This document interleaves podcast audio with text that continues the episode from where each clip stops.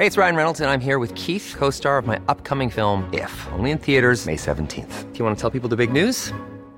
All right, I'll do. Sign up now and you'll get unlimited for $15 a month in six months of Paramount Plus Essential Plan on us. Mintmobile.com slash switch.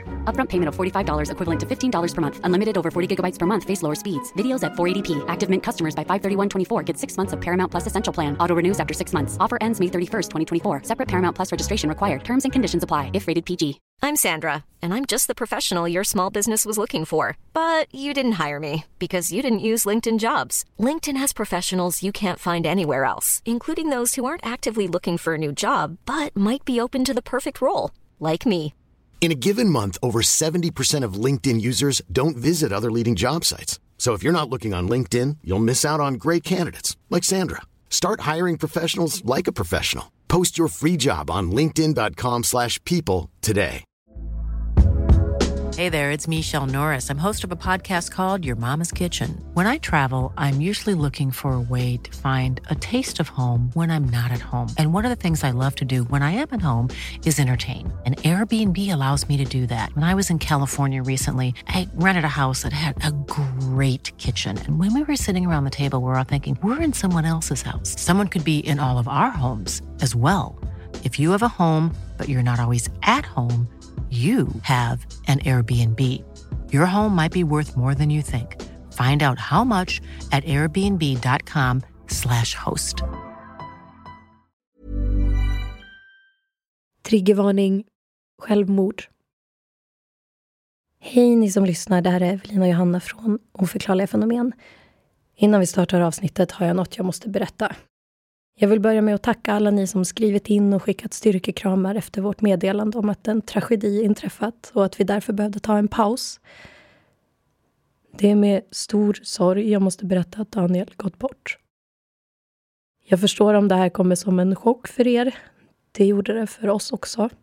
Så vi behövde tid att landa lite och börja sörja. Men efter att ha pratat med Daniels familj har vi landat i att släppa de sista avsnitten med Daniel som ett sätt att samla in pengar för Suicide Zero. Suicide Zero är en ideell organisation som arbetar för att förebygga självmord. Insamlingen kommer gå fram till Daniels begravning den 24 och jag kommer göra en video där jag personligen tackar alla som valt att donera. Vill ni ge en gåva till den här insamlingen gör ni det enklast via länken i avsnittsbeskrivningen. Daniel brann verkligen för den här podden och det var en fröjd att få göra den tillsammans med honom. Det känns extremt svårt att fortsätta göra den utan honom men jag ska göra mitt bästa även om jag inte riktigt vet hur det kommer se ut just nu. Tack för att ni lyssnade och ta hand om er själva och varandra. Kram.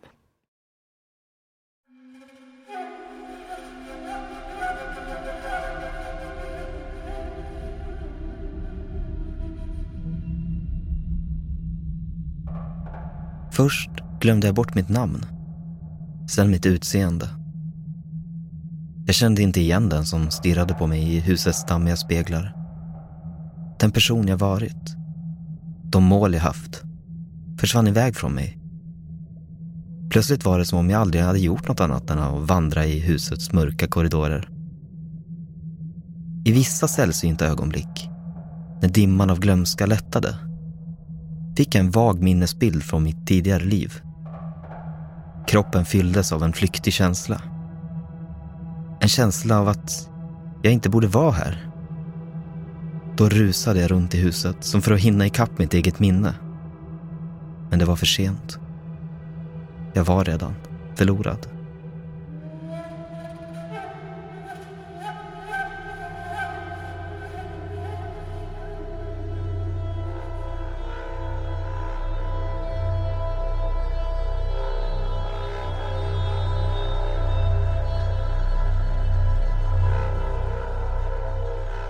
Välkommen till Oförklarliga fenomen. Ett program där jag, Evelina Johanna, Och jag, Daniel Murberg. tar med dig på berättelser om mystiska, märkliga och obehagliga saker som hänt folk över hela världen. Saker som inte alltid går att förklara. I byn där jag växte upp så fanns det ett övergivet hus som alla undvek. eh, For good reason. Det var trasigt, det var farligt att vara där inne. Men det fanns också en spökhistoria knutet till det här huset. Att det var en man som hade dött där inne. Och jag vet fortfarande inte om det faktiskt hände eller om det var ett sätt att se till att vi barn inte gick in där. Men sen dess så har jag alltid tyckt att övergivna hus är så sjukt obehagliga. Så när jag fick höra talas om ett övergivet hus i Indonesien som har inte bara en men två mystiska och tragiska historier kopplat till sig så kände jag att det här behöver vi dyka ner i. I dagens avsnitt beger vi oss till ett av Indonesiens mest exklusiva områden, Pondok Indah, där överklassen lever ett bekvämt liv. Men ett av husen i grannskapet håller man sig borta från. Det sägs nämligen att något fruktansvärt hänt där inne. Och nu går ingen in om man inte absolut måste.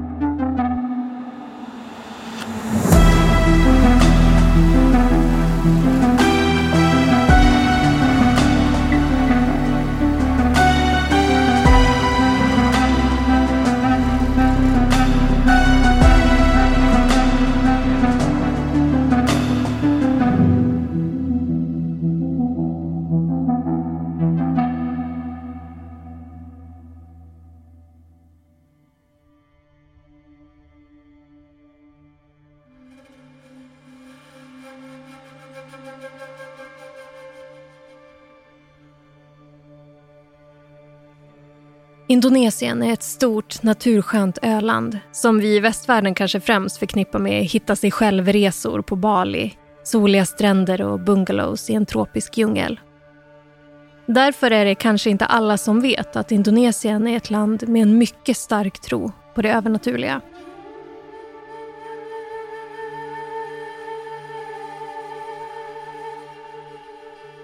Spöken kallas vanligtvis hantu på indonesiska de tros vara avlidna personer som inte har funnit frid efter döden och har ofullbordade ärenden de aldrig hann med i jordelivet. När de flesta dör lämnar själen kroppen och får en ny skepnad i form av en annan människa, ett djur eller en växt där den kan leva vidare i frid. Men har man ouppklarade affärer dröjer sig själen alltså kvar utan att anta en ny form och hemsöker dem som fortfarande lever. Dessa andar, hantu, är mest aktiva under nätterna och extra försiktig bör man vara när det är fullmåne. För i värsta fall sägs det att anden kan ta över kontrollen av en levande människas kropp och driva sitt offer till sjukdom eller vansinne.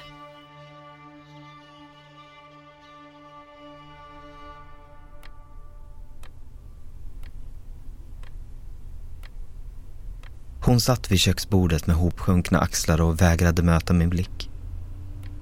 Som att de bad om ursäkt med hela kroppen. Jag kände avsmak i munnen. Hur kunde hon kasta ut mig när jag behövde en vän som mest? Men innerst inne förstod jag varför. Jag var inte en bra inneboende. De flesta dagarna spenderade jag på soffan. Jag städade aldrig och var ingen vidare sällskap om kvällarna när hon kom hem från jobbet heller. Och nu hade dessutom mina pengar tagit slut. Jag skulle inte kunna betala hyra förrän jag fått ett nytt jobb. Och inget sånt fanns i sikte.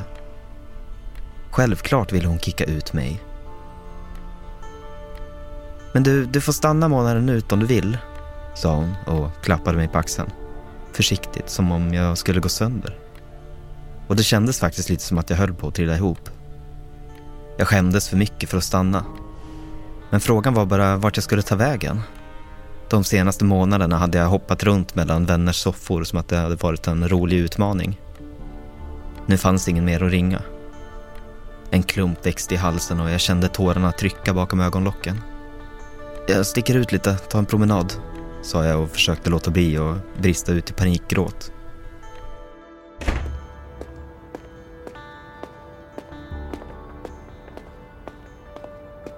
Det var tomt på gatorna och kvällen hade just lagt sig. Himlen skiftade i olika blå nyanser och den vita, lysande fullmånen kämpade sig upp över horisonten. Känslan av att vara så bortstött slet i mig. Jag var verkligen misslyckad. Bara en börda för min omgivning. En belastning som ingen ville ha att göra med. Den tunga känslan i bröstet gjorde det svårt att andas. Jag började gå snabbare för att känna att pulsen fungerade som den skulle. Egentligen hade jag inte tänkt vara ute så länge eftersom det var rätt sent. Men mitt grubblande hade ändå tagit mig ända till de fina kvarteren på Ndakinda. Det var inte det bästa området att vistas i för någon med totalt bottenkörd ekonomi. Alla här var äckligt rika och bara staketen som omringade villorna utstrålade ambition och framgång. Jag stannade framför en av de gigantiska villorna och speglade mig själv i bakrutan av en välpolerad sportbil som stod parkerad på gatan utanför. Det enda jag såg var en trasig skugga av mitt tidigare jag. Nedbruten och hopplös. En tår letade sig ner för kinden. En man dök plötsligt upp bakom mig och hoppade in i bilen. Han såg på mig ogillande när han körde iväg. Jag torkade bort tåren och blängde tillbaka. Sen vände jag blicken tillbaka mot den stora villan. Steg för steg närmade jag mig stängslet. Trädgården såg ovårdad ut och ett fönster stod vidöppet. Inga lampor var tända in i huset. Ju mer jag tittade såg jag tecken på att stället kanske var övergivet. Nyfikenheten tog över och jag öppnade försiktigt den knarrande grinden och steg in på tomten.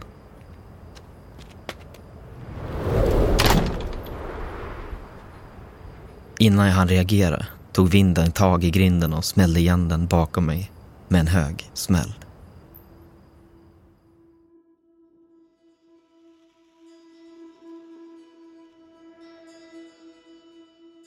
Förutom hantuandarna finns det andra övernaturliga väsen som man i Indonesien tror lever sida vid sida med oss människor. De kallas för djinns och tros vara osynliga andar som påverkar människors liv eller i vissa fall ta över dem helt. Djinns kan vara både goda och onda och bringar antingen tur och välsignelser till människor eller orsakar olycka och sjukdom. Drygt halva befolkningen i Indonesien, 53 procent, tror på att djinns existerar bland oss.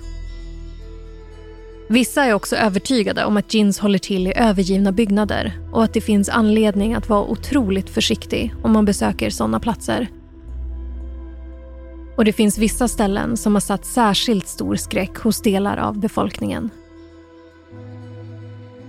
Ett av dem ligger i landets huvudstad Jakarta. Och mer specifikt i ett av de mest exklusiva områdena, Pondok Indah.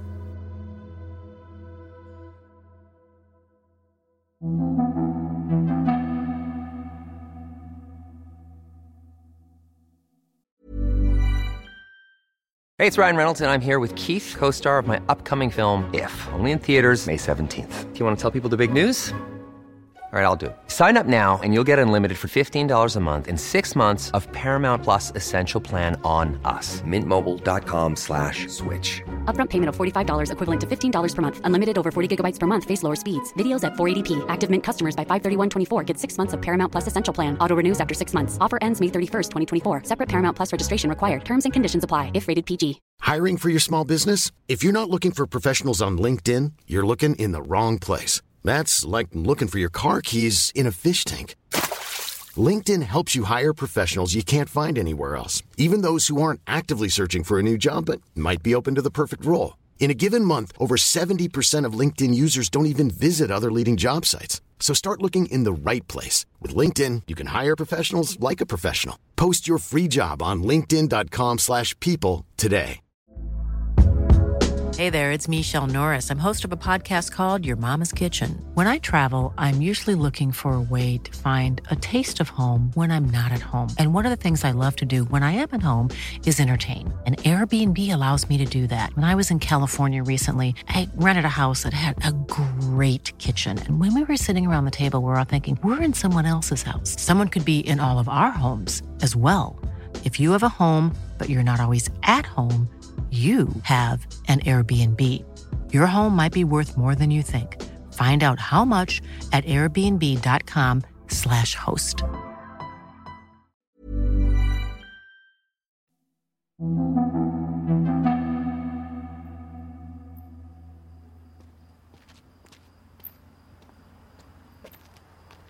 Det var en snårig väg fram till huset.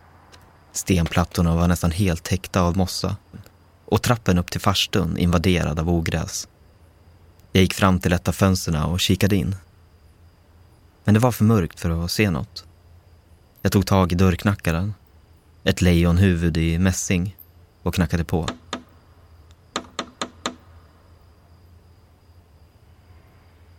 Ljudet ekade långt in i huset. Men ingen kom och öppnade. Vad sjutton höll jag på med egentligen? Vanligtvis hade en sån här skräckfilmsmiljö gjort mig paranoid. Men nu var det som att något drog mig in mot huset. Som en magnetisk kraft. Jag visste inte varför, men jag var bara tvungen att dra ner handtaget. Till min skräckblandade förtjusning var det olåst och jag klev in. Väl inne möttes jag av en syn som fick mig att häpna. Den stora hallen lyses upp av det blåa ljuset från månen som trängde igenom de smutsiga fönsterrutorna. En mäktig kristallkrona hängde från taket och tusentals glimrande stenar reflekterade månens ljus. En mäktig kristallkrona hängde från taket och tusentals glimrande stenar reflekterade månens ljus över hela rummet. Likt en diskolampa. Det var magiskt. När jag ropat hallå ett antal gånger för att försäkra mig om att ingen var här började jag planlöst beundra inredningen i huset. Möblerna var täckta av ett tjockt lager damm och det hängde spindelväv i varje hörn. Men under smutsen kunde jag skymta den vackra helheten. De makalösa detaljerna.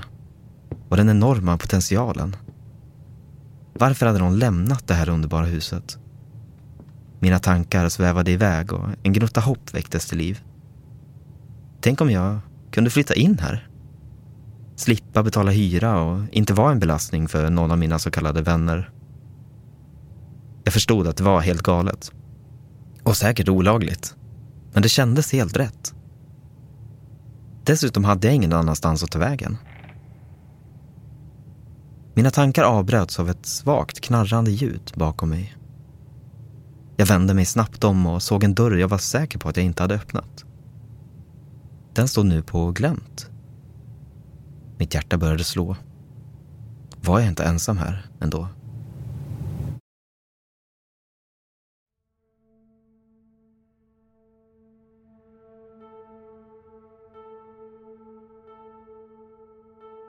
I södra delen av Jakarta ligger Pondok Indah.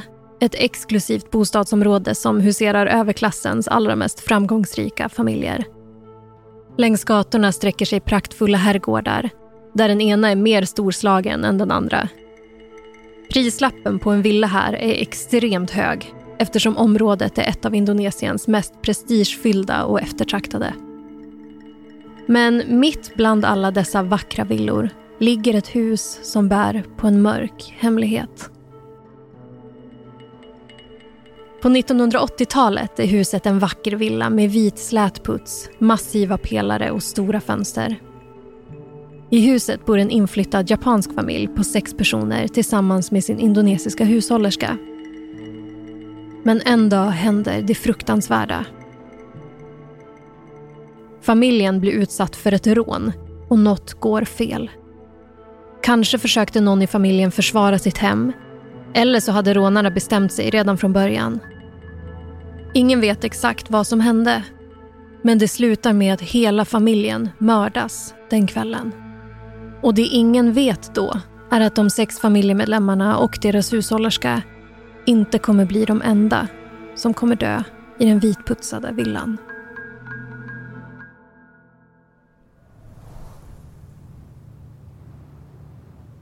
En kall vind blåste genom rummet.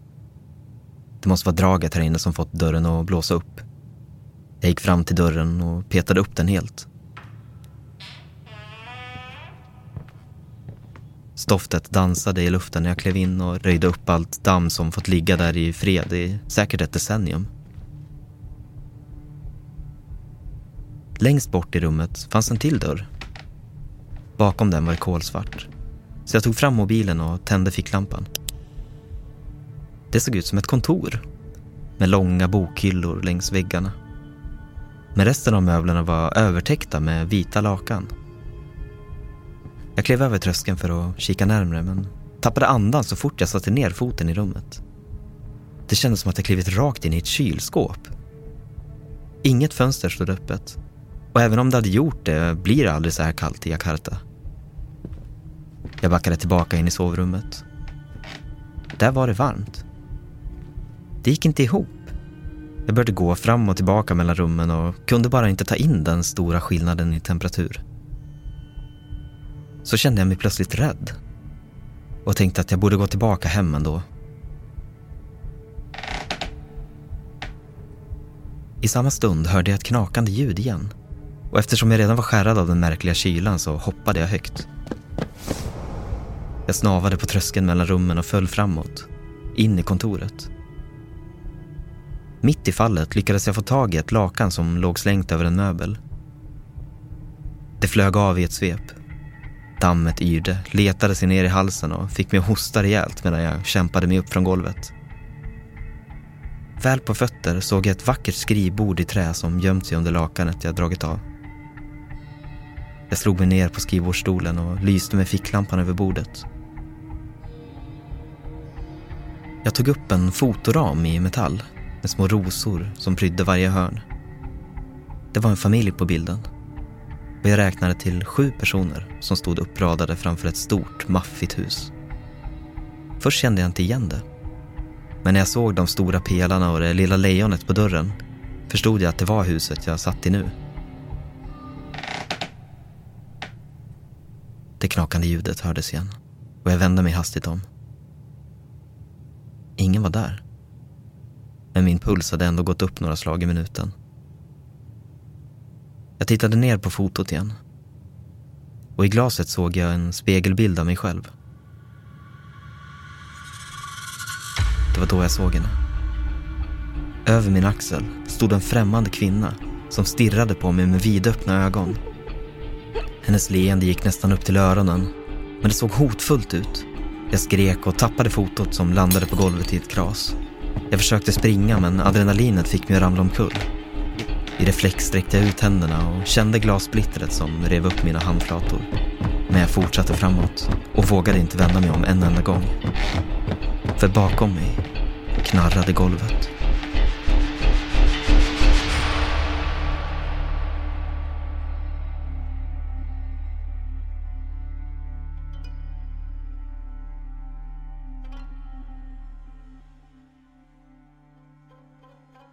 Efter rånmordet sprider sig ryktet om att huset i Pondokinda är hemsökt av familjens andar. Nyfikna, adrenalinsökande personer från hela landet lockas av det mystiska och skrämmande huset i det exklusiva området. Flera vittnar om skuggor som rör sig längs korridorerna, konstiga ljud som hörts och en allmän känsla av obehag som omger platsen. En tid efter mordet får en man som driver en matvagn en beställning på stekt ris som ska levereras till området Pondokinda. Han anländer till adressen och blir förvirrad när han ser var beställningen kommer ifrån. Till skillnad från grannhusens släta fasader med prydliga trädgårdar står han framför ett ruckel med spruckna fönster och en förvuxen gräsmatta. Mannen lämnar sin vagn utanför huset och beger sig in för att lämna av beställningen det sägs att han aldrig hittas igen efter den kvällen. Ingen vet riktigt vem som beställde maten. Kanske var det en dumdristig besökare som plötsligt blivit hungrig under sitt äventyr i spökhuset. Eller så var det någon annan som lurat in mannen med flit.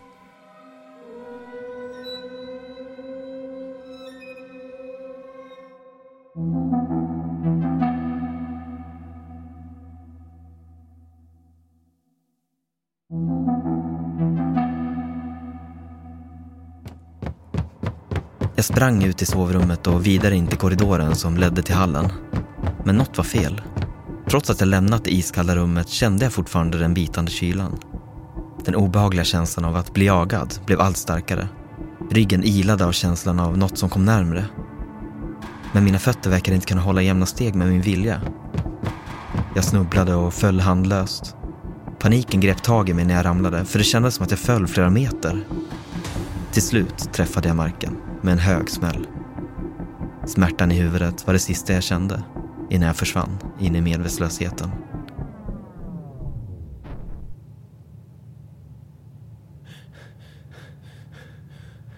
När jag vaknade upp befann jag mig i ett mörkt, unket utrymme. Det var iskallt. Jag kände direkt igen kontoret, vilket gjorde mig livrädd. Jag hade ju sprungit därifrån jag kämpade för att resa mig upp, men mina ben var svaga och darriga. Ljud av hesa viskningar fyllde rummet och det kändes som att jag drömde. Jag visste att jag var tvungen att ta mig ut innan det var för sent. Jag lyckades komma upp på benen och började gå ut mot hallen igen. Men varje steg jag tog verkade leda mig till ett nytt rum. En ny korridor. Ibland kom jag tillbaka till kontoret och kände en gnutta hopp. Eftersom jag kunde vägen ut därifrån. Men det hjälpte inte. Vilken väg jag än tog, vilken dörr jag än ryckte i, kom jag aldrig ut. I ett desperat försök krossade jag en fönsterruta och kastade mig ut genom den. Bara för att landa i en ny korridor. Jag var fast. I en återvändsgränd.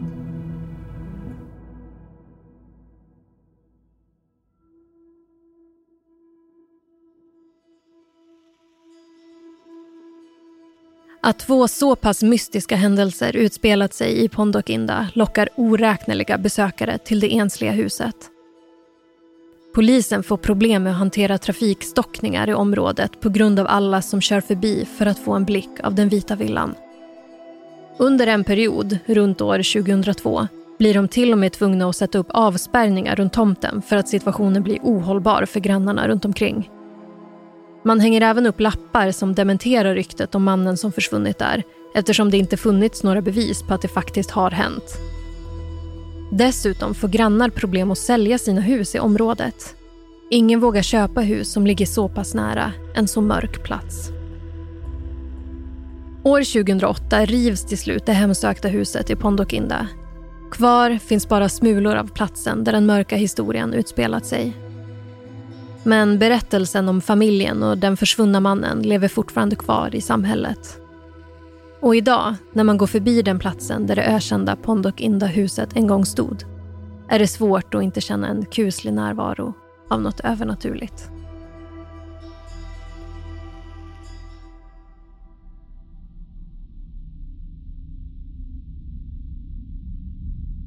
Tiden gick. Kanske veckor. Kanske flera år. Tiden flöt samman i en dimmig ovisshet när jag vandrade från rum till rum. Det kändes som om jag förlorade kontrollen över mig själv lite mer för varje dag som gick. Först glömde jag bort mitt namn. Sen kom förvirringen över min egen spegelbild. I husets dammiga speglar kunde jag betrakta mig själv. Men jag kände inte igen den som stirrade tillbaka. Den person jag varit. Mål jag haft. Och erfarenheter jag burit på försvann långsamt iväg. Plötsligt var det som om jag aldrig hade gjort något annat än att vandra i husets mörka korridorer. Dag in och dag ut gick jag längs de dunkla gångarna utan att veta var jag egentligen var på väg eller varifrån jag kom. Varje gång jag hörde ljudet av främmande fotsteg eller röster kändes det som om någonting brann till inom mig. Fara, mörker och hotfulla känslor tog över hela min kropp och jag kände mig tvungen att stoppa dem från att komma in. Varför jag kände så starkt visste jag inte. Men det var som att jag hade facit i handen och det rätta svaret var att hålla alla ute från huset. I vissa sällsynta ögonblick, när dimman av glömska lättade, fick jag en vag minnesbild från mitt tidigare liv. Kroppen fylldes av en flyktig känsla. En känsla av att jag inte borde vara här. Det var alltid fullmåne vid de här tillfällena. Och jag rusade runt i huset för att hinna ikapp mitt eget minne. Men det var lönlöst. Minnesbilderna försvann lika snabbt som de kom. Och till slut försvann de. Helt och hållet.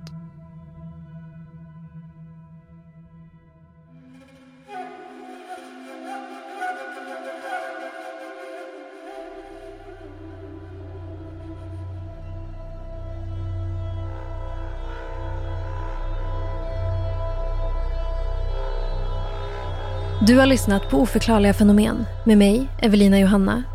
Och mig, Daniel Murberg. Glöm inte att följa oss på TikTok.